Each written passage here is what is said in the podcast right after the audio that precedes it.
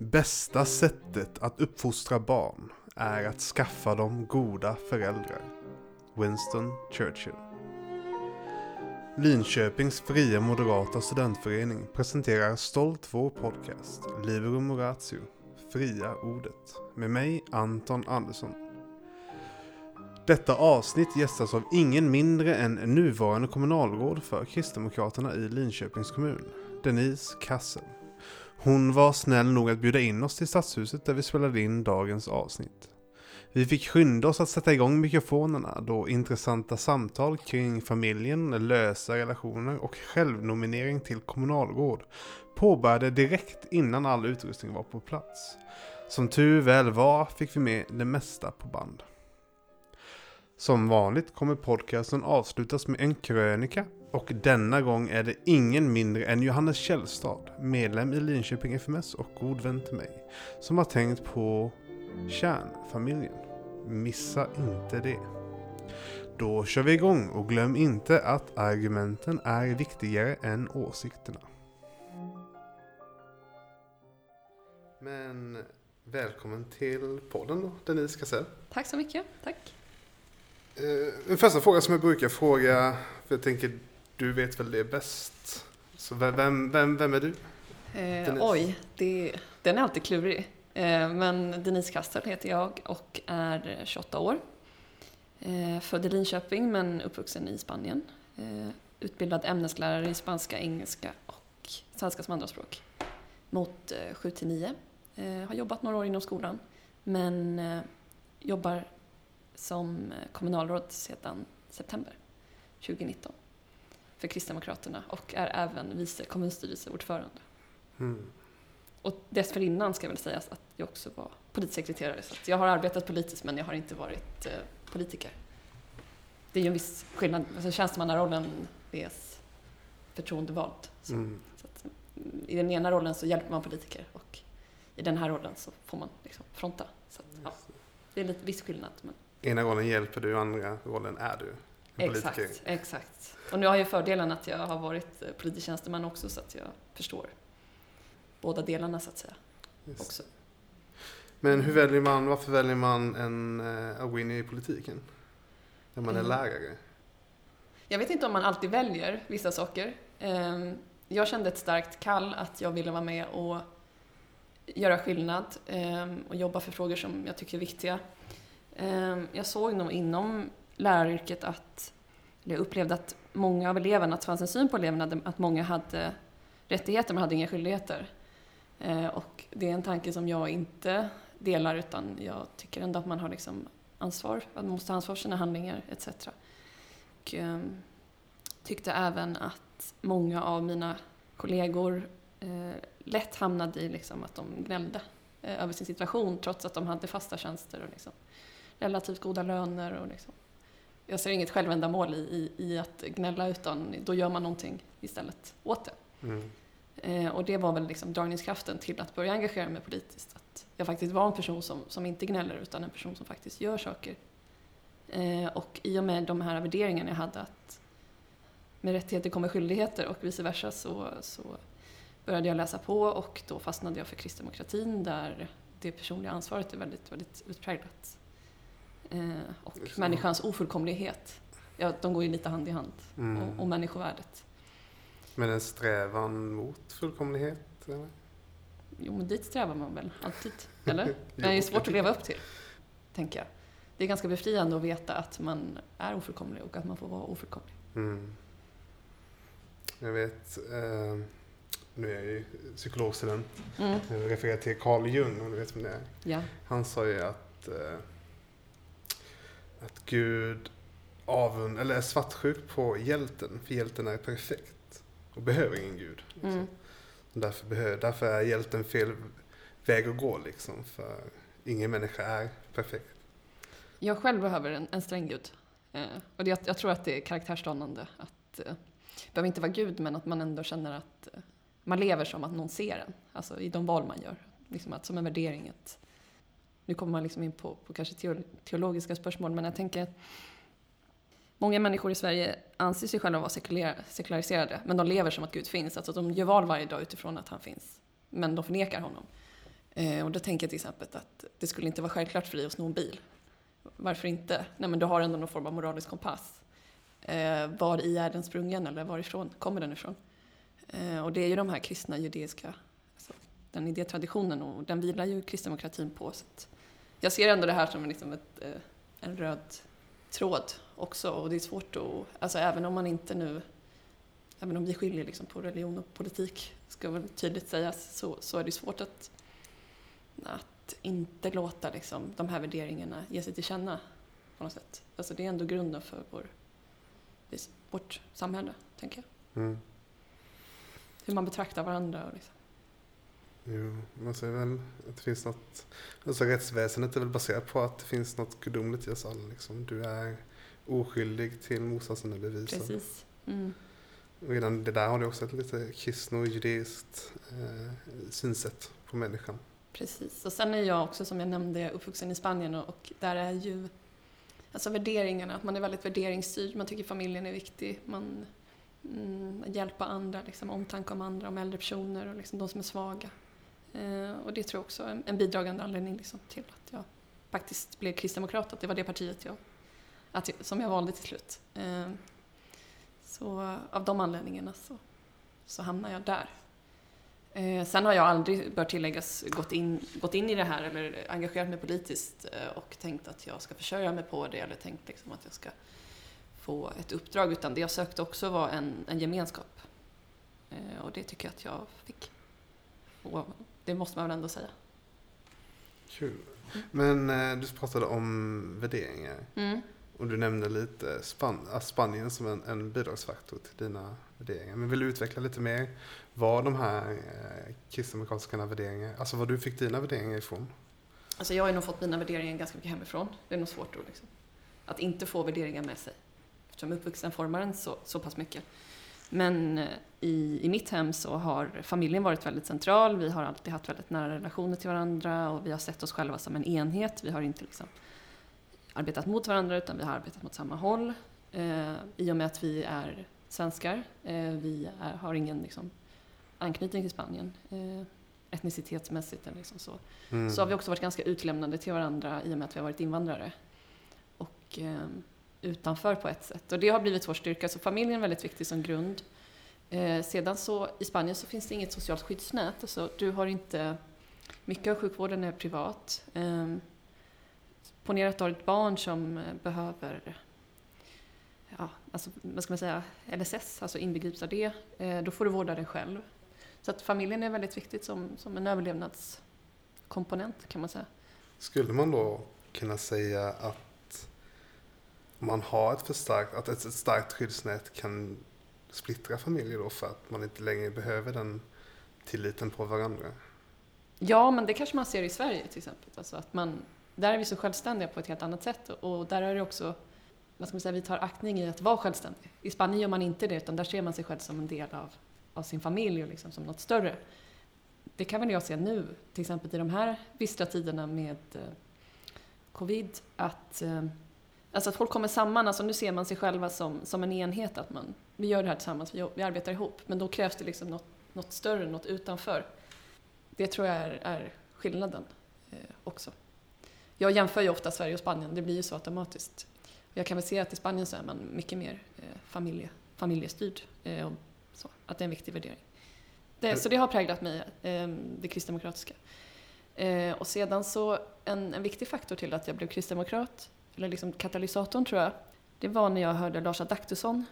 Nu är det lite roligt att jag tar honom som ett exempel eftersom i och med Europa EP-valrörelsen där så hamnade han i blåsvädret eh, utifrån att han röstat i abortfrågor. Mm. och eh, det är många som liksom frågar sig hur ska han kunna locka unga kvinnor till partiet?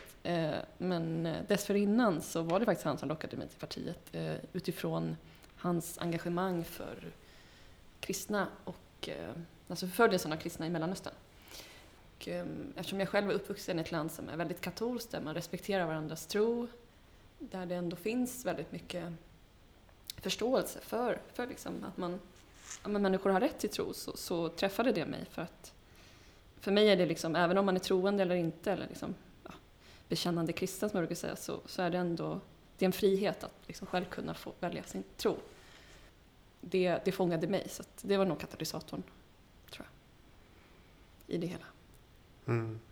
Och då gick du från lärare till direkt till politisk sekreterare. Stämmer. Mm. Hur, gick, hur fungerade den övergången? Ehm, alltså det var så, det var naturligt på något sätt. Alltså jag har alltid tyckt om väldigt mycket att skriva och det är ju att man liksom vara kommunikativ är ju en förutsättning för att vara polissekreterare. Ehm, jag är nog ganska verbal också. Ehm, soc- social främst, tycker om att prata med människor, tycker om att träffa människor. Jag var ju redan liksom så inbiten på de kristdemokratiska värderingarna så att eh, ehm, det var nog inga svårigheter egentligen så var det inte, att, att komma in i det. Jag hade ett väldigt bra kommunalråd då jag jobbade i, i Norrköping, började där. Eh, arbetade åt eh, henne. Eh, och eh, väldigt spännande att eh, komma in i politiken just då för att den konstellationen i Norrköping var S som styrde tillsammans med KD, Centern och Liberalerna. Eh, och det var ganska fantastiskt att se samarbetet över partigränserna. Att, liksom, att vissa frågor är större, större än, än politiken, eller vad man ska säga. För det gemensamma bästa. Eh, Så det var, tyckte att det var häftigt att se och komma in i den världen. Kanske inte riktigt som man ser på TV när man liksom, på partiledardebatt, att man är liksom ute efter varandra, utan här var det det gemensamma bästa. Hon hade väldigt höga krav också, mitt före detta kommunalråd, vilket jag är jätteglad för. för att, eh, Vem var det? Eva-Britt Sjöberg. tror jag. Ehm, och det gjorde också att jag jobbade väldigt hårt eh, och hela tiden var på tårna. Så att jag lärde mig väldigt, väldigt mycket när jag jobbade med henne. Sen så började jag jobba i Linköping då efter valet eh, som polissekreterare. Så att först i Norrköping och sen tillbaka till Linköping. Och jag har ju alltid bott här så att det var ganska skönt att komma hem också. Inte behöva pendla och också få bygga upp min egen vad ska man säga, grund här. Det blir lite svårt när man har man sitter i styrelsen i Linköping men man arbetar åt styrelsen i Norrköping och servar dem. Så, att, ja. Mm. så eh, det gjorde nog också att efter det när jag blev polissekreterare efter valet 2018 så, så blev jag nog en ganska naturlig del av den här partiavdelningen. Och liksom. Vem var du eh, politisk sekreterare för då? Då var jag åt Sara Skyttedal, precis. Eh, Sen lämnade hon för Europaparlamentet. Men du är inte politisk sekreterare längre? Nej, det är jag inte. Nu, nu är jag kommunalråd, men jag har en, en fantastisk polissekreterare, Tobias. Och det är väl alltid så här, få frågan vad, vad gör en politisk sekreterare? Och det är lite allt möjligt. Ja, du såg ju prov här på att det kan vara att hämta mat, det kan vara att möta gäster i entrén, det kan vara att skriva debattartiklar, pressmeddelanden. Ta snygga bilder. Ta snygga bilder för kommunalrådet, absolut. Sköta sociala medier. Beställa kondoleansblommor, det kan vara allt möjligt, tårtor. Eh, skjutsa mig på, till verksamhetsbesök. Så det är en ganska bred eh, repertoar men ett väldigt, väldigt roligt jobb. Eh, spännande jobb och utvecklande jobb. Jag älskade att vara polissekreterare. Man är lite eh, höga handen till någon va? Ja, precis. Och, och man är ju den här som man ska få sitt kommunalråd att skina men man ska själv inte ta plats. Sen bollar ju vi väldigt mycket tankar och åsikter men det gör ju vi kanske inte på sittande möte utan separat. Och den här branschen är ganska tuff också. Eh, så att man behöver någon som man verkligen kan lita på och vara professionell men ändå privat med. Så att, eh, det är ju också mycket baserat på Tjänsten är mycket baserat på personkemi och hur man trivs ihop och så. Jag kan Eh, tänka mig det. Det är väl väldigt, väldigt nära samarbete liksom. jo, men det blir det. Ehm, och tilliten är väldigt viktig. Så att det är ganska svår tjänst att liksom rekrytera, svårt att hitta någon som man känner sådär att båda bitarna funkar. Ehm, men jag, jag hade väldigt mycket tur. Mm. Det är jag tacksam för. Men resan till eh, kommunalråd var väl ganska intressant. Vi pratade lite om det innan vi satte Mm. igång podden. Mm. Om du vill, kan. Precis. Du Ehm, nominerade dig själv. Ja, vi ehm, hade ju en eh, nomineringsgrupp eh, som fick i uppdrag att sondera terrängen och hitta ett nytt kommunalråd eftersom att vi med största sannolikhet eh, misstänkte att Saras faktiskt skulle bli, komma in i Europaparlamentet och hon var ju ändå etta och jag menar ett känt namn så att det var ju ganska självklart. Så då började vi sondera terrängen, utsåg den här nomineringsgruppen. Kommunikationen mellan styrelsen och den här nomineringsgruppen var kanske inte så det lämnade mycket att önska. Det förslaget som lades fram var inte förankrat. Eh, och jag kände själv att eh, jag hade svårt att ställa mig bakom det förslaget, inte på grund kanske så mycket av den föreslagna kandidaten utan på grund av nomineringsprocessen. eh, att jag ansåg att man inte hade respekterat föreningsdemokratin. Eh, och då kände jag som ändå hade jobbat väldigt eh, mycket föregående år och kände mig ändå att jag hade stor koll på de här frågorna och liksom kände partiavdelningen, eh, kände de som sitter i liksom styret. Så, så kände jag ändå att det var ett naturligt val att nominera mig själv. Jag kände också att jag hade ett väldigt stort stöd, vilket det sen visade sig att jag också hade. Men nomineringsgruppen visade inte, de hade aldrig av sig till dig eller? Något? Nej, tydligen var det så att jag hade blivit nominerad av flera stycken. Efteråt så fick jag höra det. Men jag blev aldrig kallad för intervju. Men det kan också ha varit att man såg mig, att jag hade tjänstemannahatten på mig. Och att av den anledningen så var jag liksom inte intressant. Eh, och jag tror också att man ville ha, ha mig kvar som politisekreterare. Eh, det var den uppfattningen jag hade för att man tyckte att jag var duktig. Är det en ovanlig övergång att gå från politisk sekreterare till kommunalråd? Nej, det är ganska vanligt. Tittar man på vårt, i alla fall i vårt parti, eh, tittar man på vårt regionråd så har han gjort samma resa till exempel. Det finns fler exempel där den politiska sekreteraren, men det är väl det närmsta eftersom att det ändå är här i Östergötland. Mm. Så det, det, är nog ganska naturligt att, att det blir så. Den politiska sekreteraren är ju som sagt en, en nyckel i mycket av alltså i det dagliga arbetet. Så att den har ju en förförståelse för liksom ämbetet eller uppdraget. Så, så, så, det är nog ganska naturligt. Sen, men det är också samma sak där. Det är ju inte bara för att man är politisekreterare så betyder det inte att man kan bli kommunalråd. Alltså det är också ett förtroende. Ja, för du mm. måste väl bli vald? Exakt, man måste bli vald i slutändan. Så är det. Så att, eh, nej men, det blev väldigt, väldigt olyckligt där. Eh, och det blir nog olyckligt för, för oss båda. Dels för den här kandidaten liksom, ur ett mellanmänskligt perspektiv. Att, att bli snuvad på någonting som man trodde att man skulle få. Eh, men också för mig, för att, liksom den här uppförsbacken, att komma in då, så att säga. Det blev väldigt... Mm, det blev snabba puckar. Det. Mm. Men det var väldigt spännande, spännande dygn. Det är en sån här grej som jag alltid kommer minnas. Att dagen efter, vi hade styrelsemöte på måndagskvällen, sen när jag vaknade på tisdagsmorgon så, så var det så här, oj, jag är kommunalråd. Ja, det var rätt häftigt. Hur länge har du varit kommunalråd nu? Eh, sen 2 september. Så snart ett halvår. Snart ett halvår, precis. Jag har överlevt. Hur länge sitter man? Eh, jag är vald fram till 31 eh, december 2022. Så att, eh, det är ett tag kvar. Jag, jag har lite, lite jobb kvar att göra. Ehm, sen är ju valet i, i, i september där 2022, så får vi se. Mm. Ehm, vem som toppar listan och vem som men eh, jag som inte haft samhällskunskap på många år. Vad, är, vad gör ett kommunalråd? Alltså vad, är, vad innebär ditt ämbete?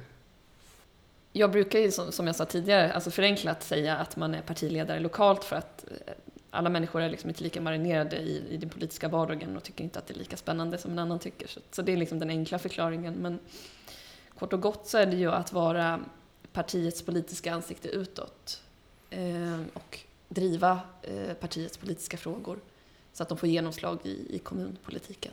Ehm, så att ehm, ansiktet utåt var den yttersta representanten. Och, ehm, sen är det också att se till att eh, eftersom att det här är en ganska stor kommun och vi sitter i styret här så blir jag skyltfönstret också för, liksom för Kristdemokraterna i stort. Det här är ett, ett av våra liksom viktigaste jag vill inte liksom rangordna säga viktigaste så, men det är liksom ändå en stor partiavdelning och, och en stor stad. Så att också att vara ansiktet utåt. Det är ju ett väldigt stort ansvar. Mm. Hur känns det att ha ett sånt stort ansvar redan vid 28-29 års ålder? Alltså jag har alltid varit lite lillgammal eh, och jag tycker om ansvar för att det är förpliktigande.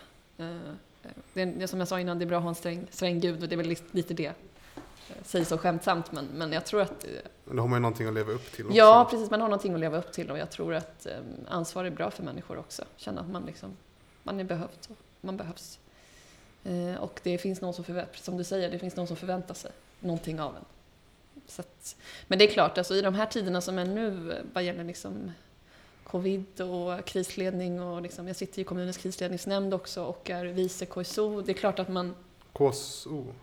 Kommunstyrelseordförande. Ja. Tack för, för förtydligandet. liksom bara slänger med de här begreppen.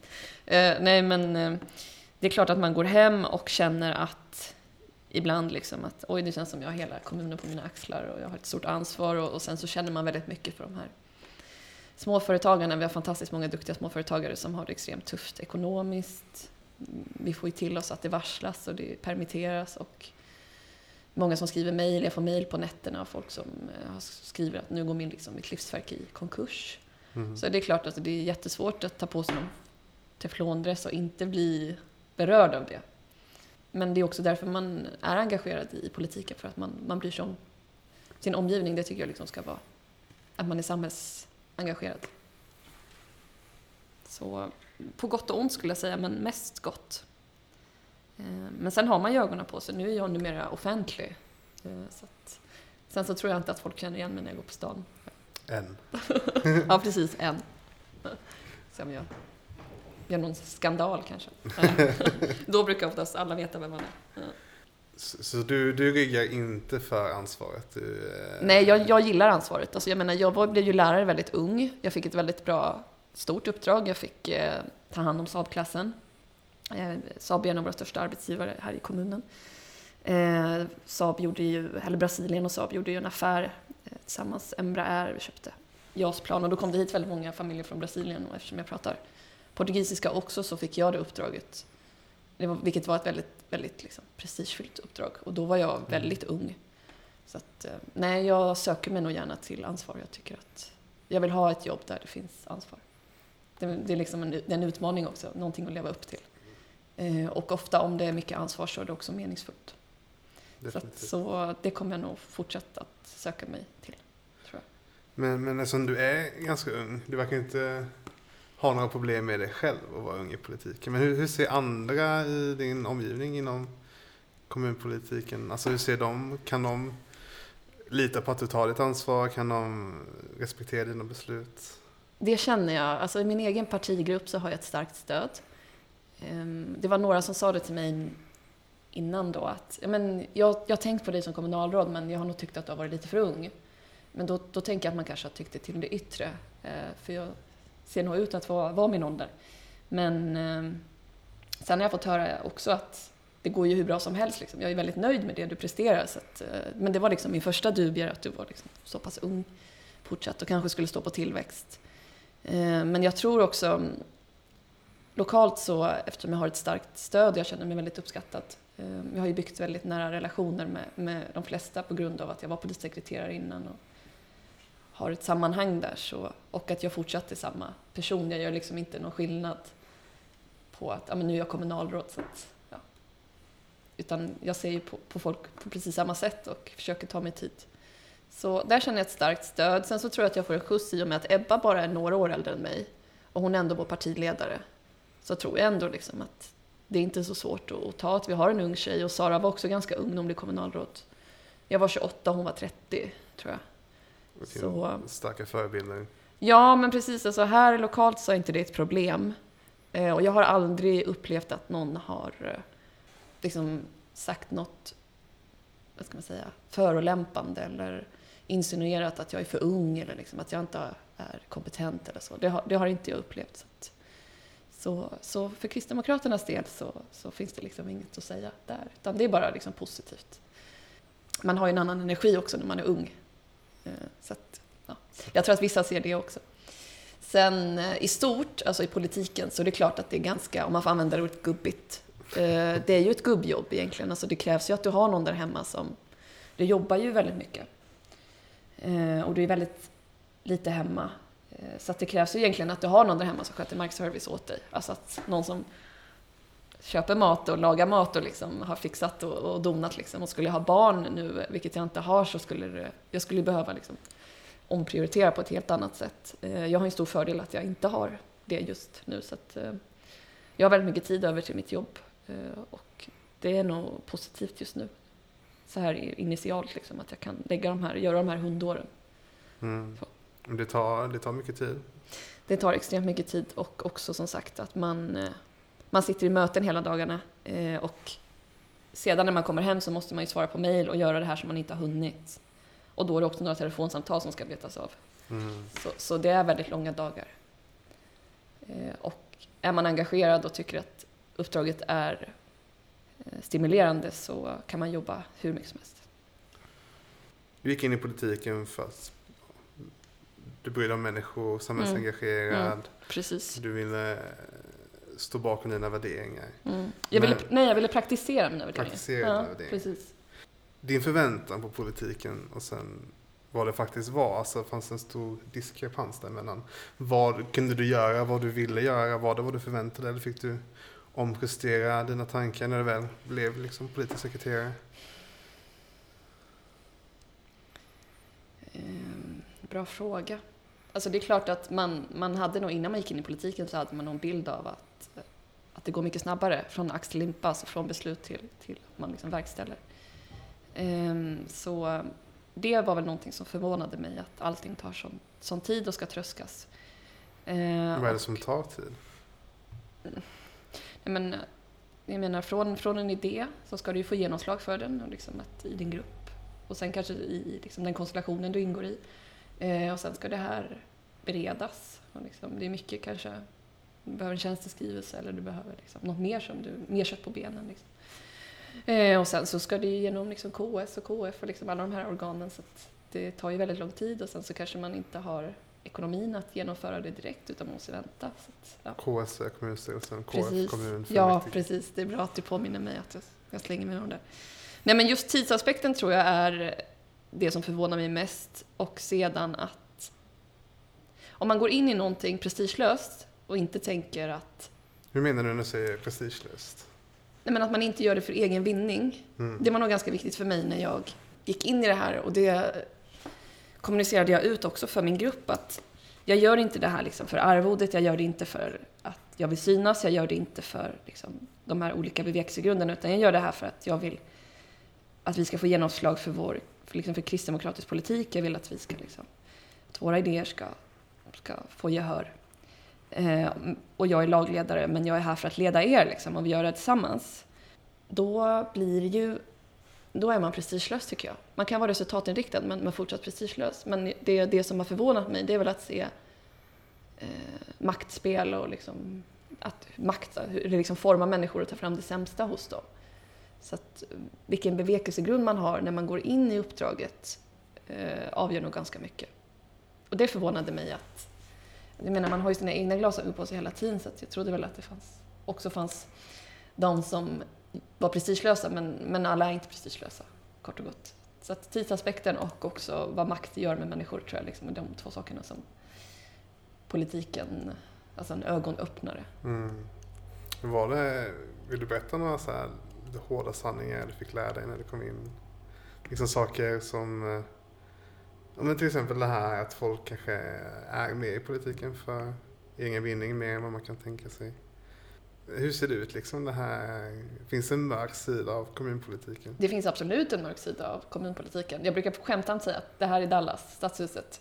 Eh, men eh, nej, alltså det, det är väldigt god stämning också. Jag tycker att det är högt i tak. Men, men det jag menar är mer att det är svårt att lita på, på varandra eh, generellt sett för att kommunalrådsuppdraget är ett ensamjobb.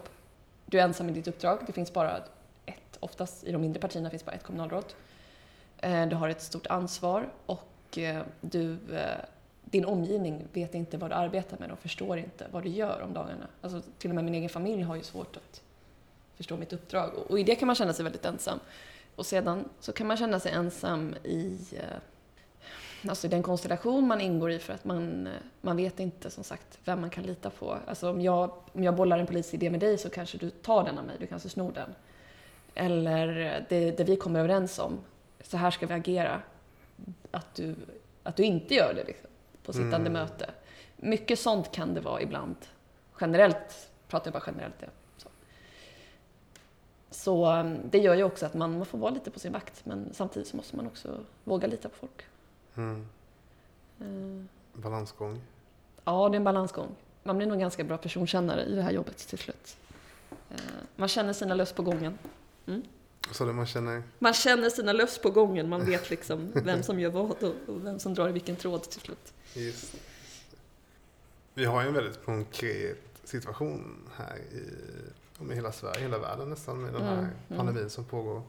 Så om man, om man ska försöka konkretisera ditt arbete, liksom, hur, vad är det Kristdemokraternas kommunalråd kan göra? Vad gör hon liksom lokalt nu för den här Precis, alltså den operativa krisledningen leder ju inte jag utan det är kommundirektören och kommunens förvaltning och sånt och de gör det kalasbra. Eh, vi har ju en kommundirektör som är för detta militär så att han skiner just nu ska jag säga. Eh, men för min egen del utifrån liksom min politikerroll, eh, det vi har gjort nu det är ju att vi i styret då, Alliansen, den renodlade Alliansen, vi har ehm, infört en del åtgärder, alltså lanserat ett så kallat krisplan eller liksom krisåtgärder. Och det har ju främst vänt sig mot eh, det lokala näringslivet för att vi märker att de har tagit väldigt hårt, hårt fått mycket stryk nu senaste veckorna i och med att man, ja, men försäljningen minskar och bland restaurangägarna så har man färre gäster och eh, det är mindre kommers. Så eh, speciellt för de som har eh, sällan köp, alltså kläder till exempel, skor. Matvaruhandeln klarar sig alltid, där ser vi ett uppsving. Men, men de andra butikerna har det lite tuffare. Det är inte det första folk går och köper när det tryter i plånboken. Det verkar vara toalettpapper. Är... Ja, toalettpapper är väldigt populärt. Så eh, om man är ICA-handlare så är det liksom eh, det Klondike nu.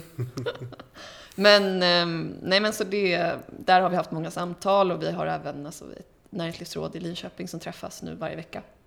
Och där möter vi eh, Svenskt Näringsliv bland annat och Svenska Handelskammaren och eh, företagarna och liksom andra viktiga aktörer då som pratar, LRF pratar om hur vi liksom kan hjälpa våra företagare.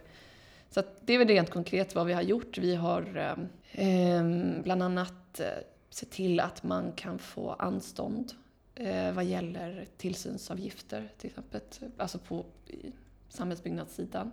Vi har öppnat upp uteserveringarna tidigare, gett tillstånd, än vad man liksom förlängt säsongen kan man säga. Sen ser vi väl i efterhand att det har varit mm, svårt för krögarna att, eh, vad ska man säga, få folk att sitta mer utspritt. Alltså det här social distansering har varit svårt. Så att, eh. Nej men en annan eh, krisåtgärd som vi har vidtagit det är ju att eh, förra veckan så gick jag och Liberalernas kommunalråd Åsa Wennergren ut med att vi nu inför matkuponger. Eh, och att det blev Åsa och jag var utifrån att jag är vice kommunstyrelseordförande och hon är sektorsansvarigt eh, kommunalråd och ansvarig för, för, för utbildning då. Matkuponger för vilka? För gymnasister eh, var det grundskoleeleverna är ju fortsatt i, i skolan så att de får ju lagad mat. Men i och med regeringens beslut så är ju gymnasisterna, de är ju hemma. Och vad tänker ni, vad vill ni uppnå med det här beslutet? Ehm, det vi vill uppnå är ju att, ehm, jag menar, vad ska man säga, dels att man ska få ett mållagad mat om dagen. Ehm, vi vill säkerställa ändå från kommunens håll, det står egentligen, vi har liksom ingen sån skyldighet eftersom att gymnasiet är det är en fritt, eh, fri skolform så. Men vi vill ändå säkerställa att de som kanske inte alltid har möjlighet att få lagad mat hemma faktiskt får det. Eh, och sedan så tycker vi också att det är ett viktigt sätt att stötta det lokala näringslivet. Så vi såg det liksom som dubbel win-win, maximal nytta. Mm. Eh, men eh, fått ganska mycket positiv respons men också negativ respons såklart. Så är det alltid, man kan inte liksom göra alla glada. Det vi har fått positivt är att just den här sociala aspekten att vi erbjuder mat till alla elever. Och det negativa är, och jättebra för restaurangerna såklart, och det negativa är att de tycker att vi uppmanar till att socialisering då. Alltså i och med att man... Mm. Men, kan man inte använda kupongen till hemleverans till exempel? Jo, det kan man. Och det här gäller bara takeaway, jag vara väldigt tydlig med det. Så det är inte att du ska liksom göra upp med dina vänner om att ses på stan och käka. Utan det är endast takeaway som du kan välja. Mm. Eh, och eh, om du sedan går hem och sätter dig hos någon eller liksom väljer att äta din lunch där, det kan inte vi styra utan där är det återigen individens ansvar att se till att man inte gör det. Då. Ehm, men, eh, och sedan så har vi också gjort så att vi har förlängt lunchen så att den inte bara är liksom från klockan 12 till 1. För det kan ju vara de som bor lite längre bort som inte liksom hinner ta sig ner på stan innan de ska tillbaka igen och ha ehm, distansundervisning. Så vi är ganska generösa, vi har en ganska liksom, stor lucka så, där man kan komma och hämta maten.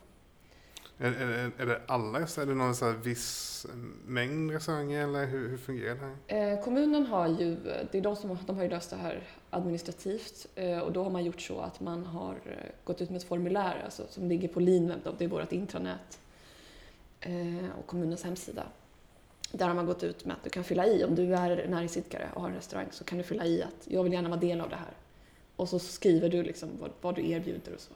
Just det. Eh, och så hör kommunen av sig. Så att, eh, det står väldigt tydligt på hemsidan. Och samma sak gäller ju för eleverna då som vill ha det här. De måste också fylla i. Och sen handläggs det skyndsamt. Och det är lite vad du har gjort i, i förhållande till krisen vi befinner oss i. Ja, eh, egentligen har jag ansvar för personalfrågor också i mitt uppdrag. Eh, och där har vi också tittat ganska mycket nu på vad man skulle kunna göra om man skulle kunna ge liksom ett presentkort som man kan använda på stan till exempel. Eh, då visar vi ju dels uppskattning men också eh, att man stöttar våra näringsidkare. Däremot så skattetekniska skäl så är det lite problematiskt. Att vi håller på att titta på om det finns något annat sätt man skulle kunna göra det. Så det kommer nog komma fler krisplaner eh, här framöver. Men eh, det är det rent konkret. Och sen så, som jag sa innan, så har man ju på samhällsbyggnadssidan sett över det här med liksom anstånd, tillsyn och uteserveringar och sådana saker. Försöka underlätta för våra företagare. Eh, alltså mycket är väl från regeringens håll också, en beslut, rekommendationer? Ja, alltså vi som kommun, vi är nog en av de kommunerna som faktiskt har gjort mest i Sverige just nu. Alltså vi ligger i framkant verkligen om vi tittar på våra kommunala bolag, om de kan också hjälpa till på olika sätt. Eh, I det här till exempel Stång och stan, om man kan få anstånd vad gäller kommersiella eh, lokaler, alltså för våra företag då. Att man kan söka om anstånd, att man inte, man inte kan lägga ut pengarna nu. Det är väldigt många som inte har dem. Liksom. Man har inte så mycket marginaler. Men alltså det som ska till, det är ju klart att det är klart liksom att vi måste ju se att staten går in med sina muskler men samtidigt så kan vi inte sitta och vänta på det för att det är så pass akut och, och liksom springande. Så vi måste ju agera nu också. Hur ser ni på, på eh, smittspridningen här i Östergötland? Det, vi, vi har väl näst mest smittade fall nu i, av alla län? Eh, ja, jag, jag, såg det på, så korren hade en sån rubrik. Eh, det, har, det har funnits sådana rubriker tidigare. Då har vi sagt att, alltså att vi har en snabb ska inte säga snabb smittspridning, men vi har liksom en okontrollerad smittspridning så, så är det ju liksom, det, det är svårt. Vi gör ju inga tester så att vi testar ju inte folk så det är svårt att veta om någon bär på det. Liksom. Mm. Däremot så, så tycker väl jag lite att där, rubrikerna är lite skräckinjagande eller man ska säga. Vi ligger tre veckor efter Stockholm räknar vi med. Så att vi kommer pika kanske om två, tre veckor då. Mm. Och se den liksom samma men det är jättesvårt att sitta och spekulera om och jag försöker att inte, inte göra det. Eh, jag tycker inte att liksom, man har ett ansvar att inte spä på oro också. Och därför så, så använder vi ju inte våra politiska kanaler liksom, att prata så mycket om, om liksom pandemin utan det gör vi genom kommunens hemsida mest. Då. Där har de har varit jätteduktiga på att samla all information som man kan vända sig till. Jag, jag läste på hemsidan att ni har gått upp till beredskapsnivå 3. Mm. Men jag, jag förstår inte riktigt vad det innebär. Vad innebär en Beredskapsnivå 3 är um, vi, vi agerar ut efter en uh, krisplan som fullmäktige har fastlagt, beslutat om. Uh, och nivå 3, då betyder det att vi, um, vi ser till att liksom alla resurser, liksom omlokaliserar alla resurser till samhälls viktiga, alltså de mest samhällsviktiga funktionerna, vård, omsorg och skola, så att de liksom kan upprätthållas.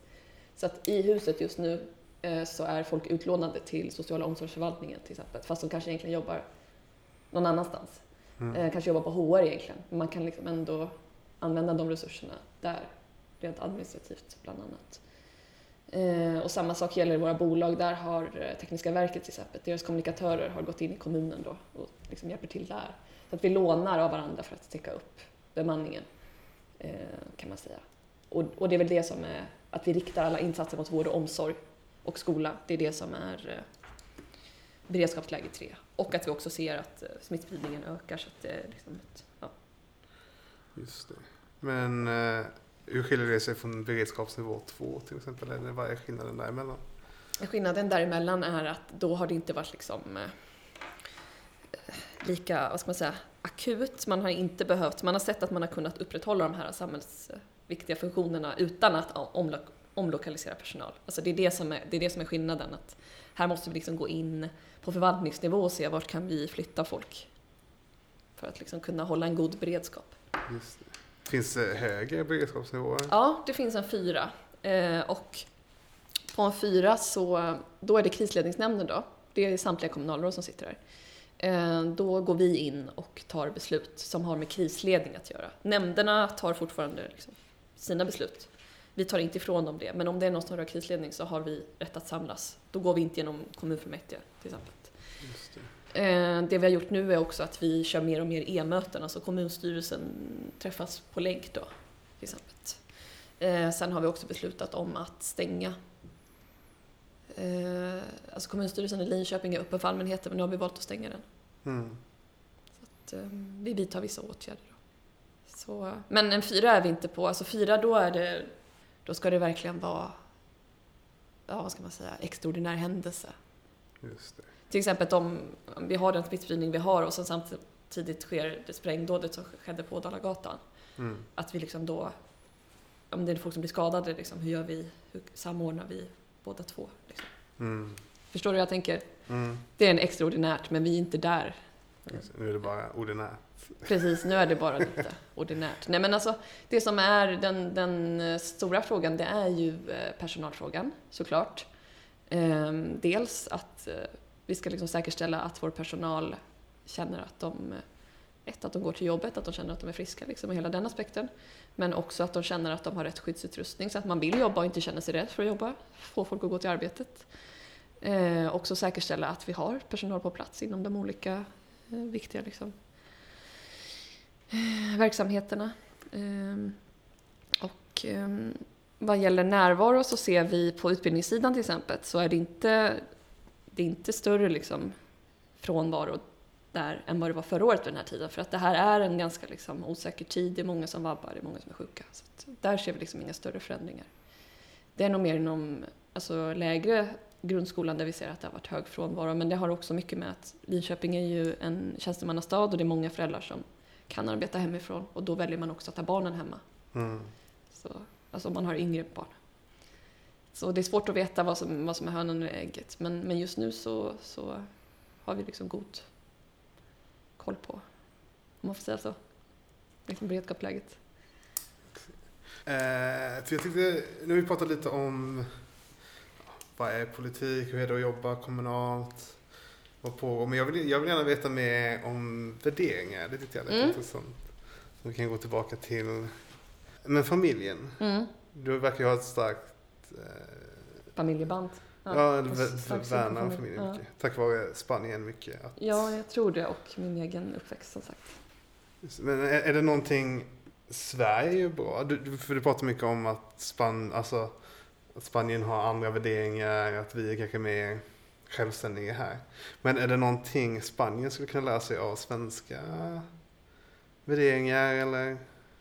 Alltså vi har ju en väldigt, väldigt generös, eh, ska man säga, föräldrapolitik. Eller liksom att man, eh, I Spanien får du vara mammaled i, i 16 veckor. I Sverige kan det vara det eh, extremt mycket längre än så. Och du kan också, som pappa har du bara rätt till 10 dagar tror jag, i Spanien. Eh, det tycker jag är fantastiskt. Eh, att vi faktiskt har eh, antagit sådana. Liksom. Hur ser du att, för måste inte pappan ta en viss, alltså, de, alltså man kan inte fördela fritt längre va? Föräldrar, alltså föräldradagar. Alltså det där är ju, vi pratar ju om alltså Kristdemokraterna som så här köksbordspolitik. Det som du och jag kan bestämma här vid det här bordet, det ska vi kunna bestämma om. Att man ska inte kunna lägga sig i, staten ska inte lägga sig i och vara klåfingrig och bestämma hur vi ska fördela dagarna.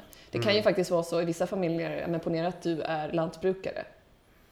Jag kanske liksom inte har de fysiska förutsättningarna att sköta lantbruket heller. Jag kanske inte är uppvuxen på gården, jag kanske liksom inte vet hur man sköter hus, eller djurhållning. Varför ska du tvingas då att ta hand om barnen bara för att? Just det. Ja. Så med, med tillit till att folk kan ta sina egna beslut. Ja, och det vi också har lagt som förslag uppifrån det är ju att varför kan man inte lägga de här dagarna på någon annan? Varför ska inte mormor liksom kunna ta hand om barnet? Eller varför skulle inte liksom en eh, eh, bror, alltså min bror, kunna ta hand om barn? Liksom? Mm. Det måste inte vara mamma eller pappa utan det kan vara en vuxen att lita på eh, för att liksom få familjepusslet att gå ihop. Men på tal om det, för du pratade om att Spanien har ett nästan inget skyddsnät där. Mm. Att folk då förlitar sig mer på familjen. Det är mer Mm, liksom mm, kanske ens mor och farföräldrar stannar hemma länge och man tar hand om dem. mm. Eh, ja, man förlitar sig, alltså, blir, familjen blir en större enhet för det finns ingen övergripande väl, välfärd som tar det om, omsorgsfulla ansvaret. Hur ser du på det i Sverige? Hade du önskat ett mindre socialt skyddsnät i Sverige? Någonting som liknar med Spanien där För att kunna, eller är det någonting som skulle krävas? Nej, alltså nu när vi ändå har det här så, så, så jag tror att det skulle bli jättesvårt att liksom förändra det och, och vi får också eh, se det som också en ganska stor fördel för många människor som lever liksom, eh, i skuggan liksom, av, som, som står ifrån etablering och som kanske inte har en familj. Och liksom, så att, nej, däremot så skulle jag nog vilja se en, eh, man säga, en revival vad gäller eh, värderingar. Alltså hur vi ser på varandra. Eh, och hur vi, ja, men som jag sagt, hur vi är mot varandra. Liksom. En tillbakagång liksom, till det mer, eh, inte det här slit och släng, alltså synen på relationer. Utan att man liksom, Hur, hur, ska man, hur, hur ska man lyfta dem? Hur ska man få tillbaka de värderingarna? Det är svårt. För, för man behöver inte dem. Det är, mycket är ju det här... ja, men I Sverige behöver vi ju inte varandra. Nej, precis. Nej, men alltså jag tänker nu under den här pandemin som är så visar vi faktiskt att vi behöver varandra. Alltså vi kommer ju samman på ett helt annat sätt. Då förstår vi att vi har liksom ett ursprung, om man ska prata så. Eh, och att eh, vi alla är människor och liksom har liknande behov. Eh, jag tror liksom inte att, att vi är så pass olika som vi vill tro. Men det jag säger är inte... Alltså jag tycker att det är fantastiskt att vi har ett starkt skyddsnät. Däremot så, så säger jag att det kan också vara så att vi blir helt oberoende av varandra och det är en farlig utveckling. Mm. För jag, jag skulle argumentera för att kärnfamiljen är splittrad i Sverige. Mm. Och det är därför jag tror KD börjar bli en starkare och starkare kraft. För att de värderar familjen högt. Mm. Men hur, hur ska man gå tillväga för att återinföra kärnfamiljen som ett viktigt, en, en, en viktig värdering? Tala väl om kärnfamiljen. Men, men jag tror också att, vi säger kärnfamilj här, men vi får också vara öppna för att det kan ju vara en kärnfamilj fast den kanske inte ser ut liksom som en traditionell. Eh, men, men man kan säga värna familjen då. Det är jättesvårt att säga hur det liksom ska implementeras utan att slå det i huvudet på folk. Men, men jag som, som företrädare för, för liksom Kristdemokraterna, det jag kan göra är att prata gott liksom om, om de fördelar som finns med en eh, trygg familj. Jag tänker att trygga föräldrar ger trygga barn, trygga barn lär sig bättre. Lär man sig bättre så kan man söka högre studier om man vill. Eh, högre studier ger ett välbetalt jobb, oftast, om man inte blir lärare. Då kan vi bli politiker sen ändå. Bibliotekarie. eh, nej, men eh, det är inte alltid pengar som är liksom ändamålet. Men, men, så att jag tror att det där får synergier också och på lång sikt så kostar, kostar man samhället mindre också på grund av att man kanske inte behöver uppsöka vård eller liksom socialtjänst i liksom lika stor utsträckning. Mm. Att man kan se, eh, man kan se familjepolitiken liksom som mm, vad heter det?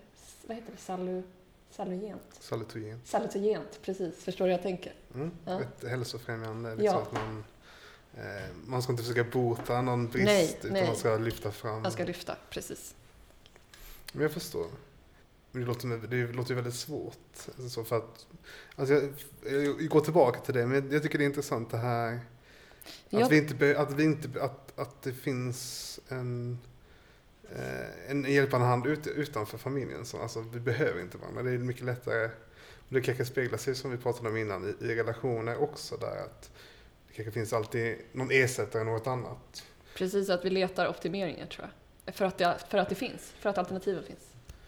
Och att vi också är programmerade tror jag, att hela tiden söka efter något bättre. Men eh, jag vet inte om det är det som ger människan liksom, lycka Mm. på lång sikt. Jag tror ändå att har man en gemenskap, har man liksom sin trygghet där i eh, hur ge- gemenskapen nu eh, månde se ut så, så tror jag att man, det, det föder liksom välmående. Men de som hela tiden försöker optimisera eller försöker hitta det bättre och det nya. Mm. Är de dömda att lära sig den hårda vägen då? Att kanske vaknar upp om fem, tio år och insåg fan, kanske skulle ha nöjt mig för fem år sedan. Jag Liksom. vet inte, nu, nu liksom pratar du med en person som hela tiden vill optimera allt i sitt liv. så att eh, jag får liksom... eh, ja, Kan återkomma om fem till tio ja år. vi, vi får nog göra det tror jag. Eh, jag lider också av den ådran. Men alltså, det är väl också tidsåldern tror jag. Jag tror att alla gör det. Varför studerar man annars vidare? och Liksom? Varför? Ja. Mm. Man vill ju liksom optimera.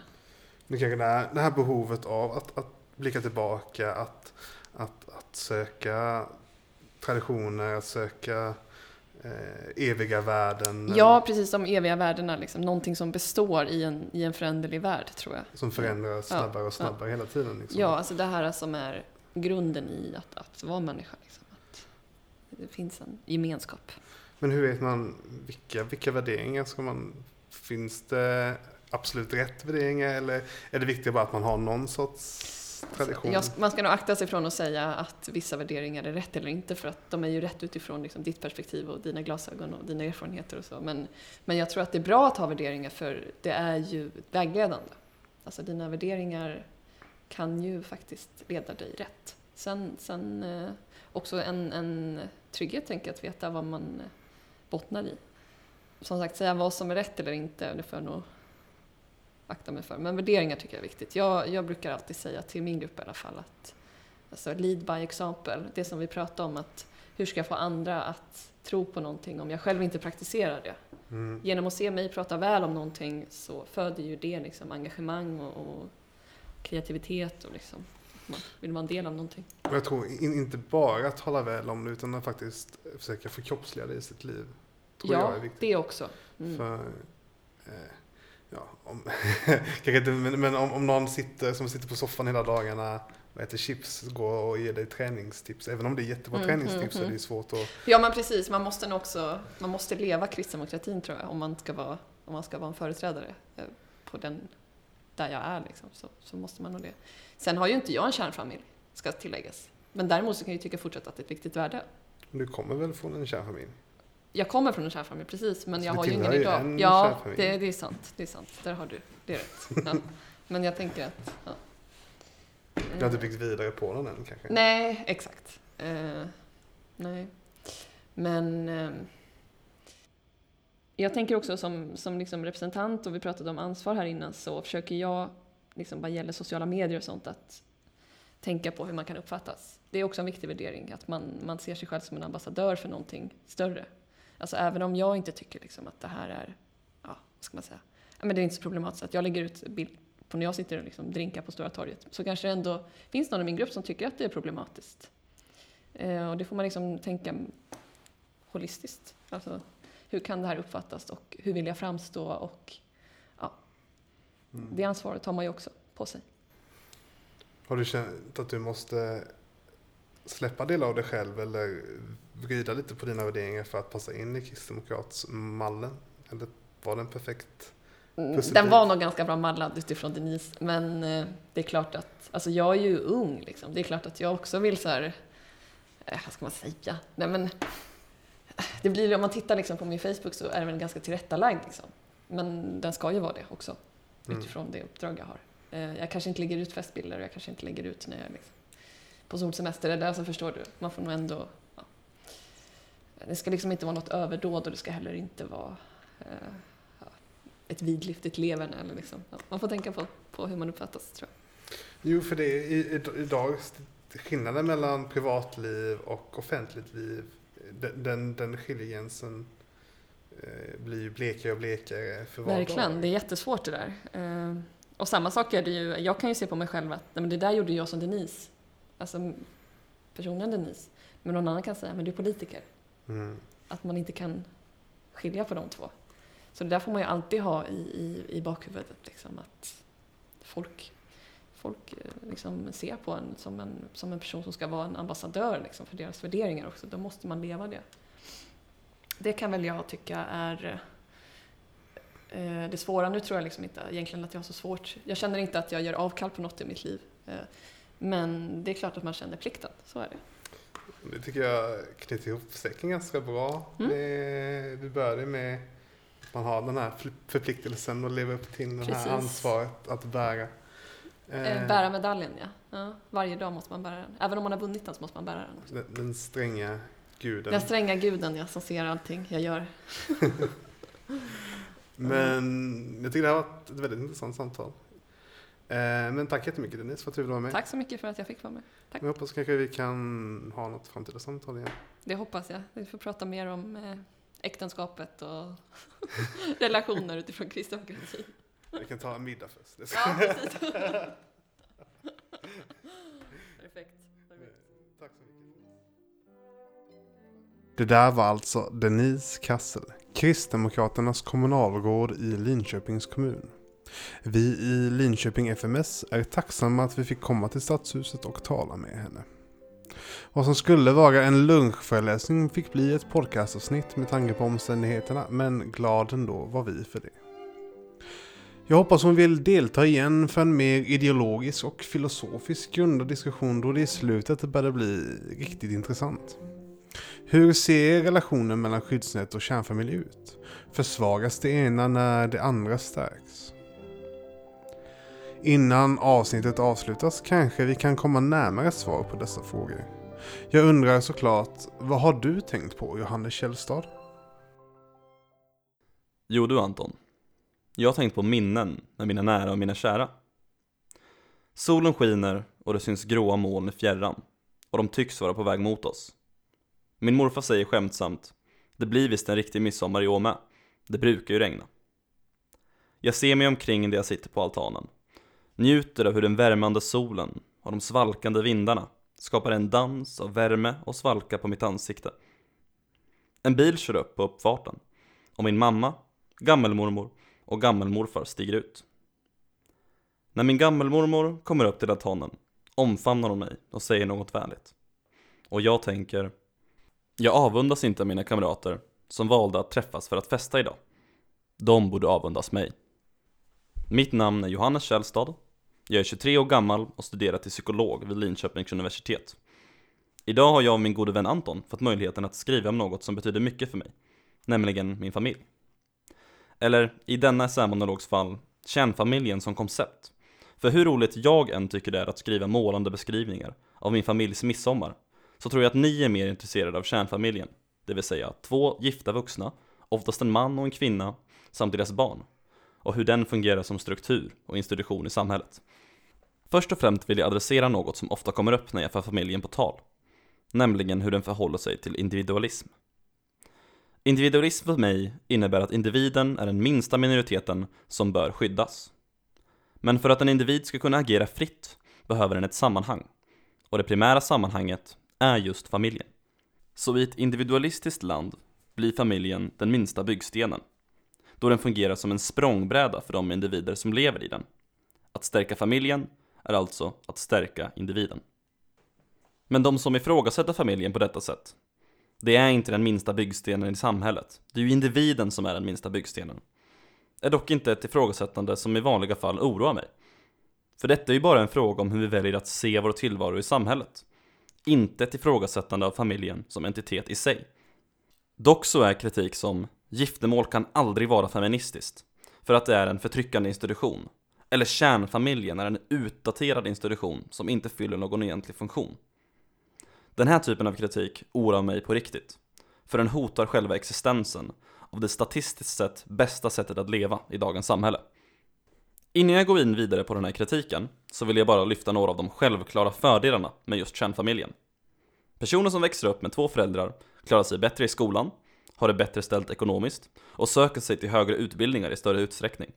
De har också en mindre risk för att hamna i missbruk, kriminalitet, drabbas av psykisk ohälsa och till och med för att bli överviktiga. Men nu till kritiken. För det första, giftermål kan aldrig vara feministiskt, för att det är en förtryckande institution.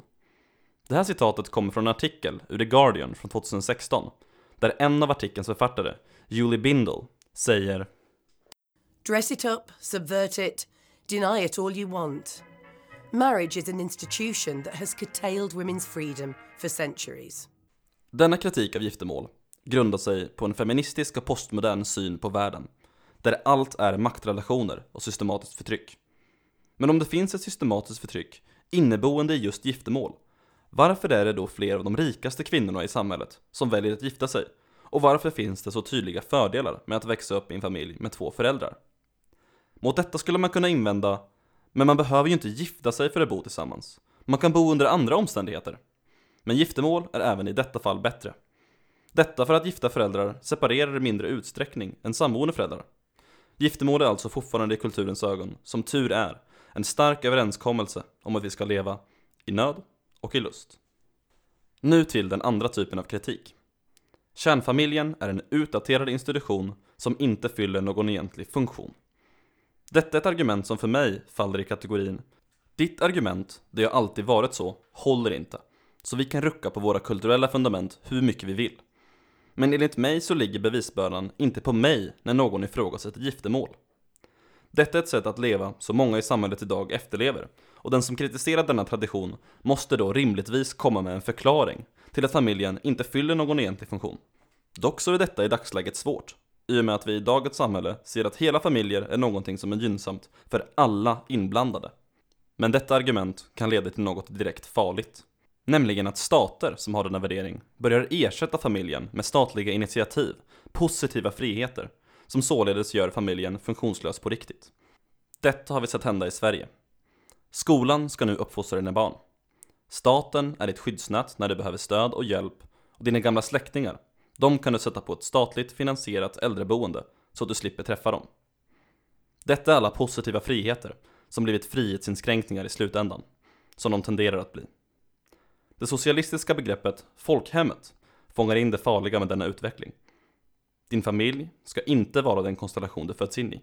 Din trygga punkt som du under hela livet kan använda som språngbräda. Istället så ska din familj vara staten och hela det svenska folket med statsministern som överhuvud. Med allt detta sagt vill jag ändå belysa ett faktum. Att leva med samma person hela livet är svårt. Att uppfostra barn tillsammans är otroligt svårt. Och att gifta sig är ett livslångt projekt som snarare lägger vikt på i nöd än på i lust. Men det är ändå på detta sätt som jag vill leva. Det är på detta sätt som jag vill lära mina barn att de ska leva. Samt det sätt som jag nu hoppas att du också vill leva. Jag som talat in denna krönika heter Johannes Källstad, medlem i Linköpings fria moderata studentförening.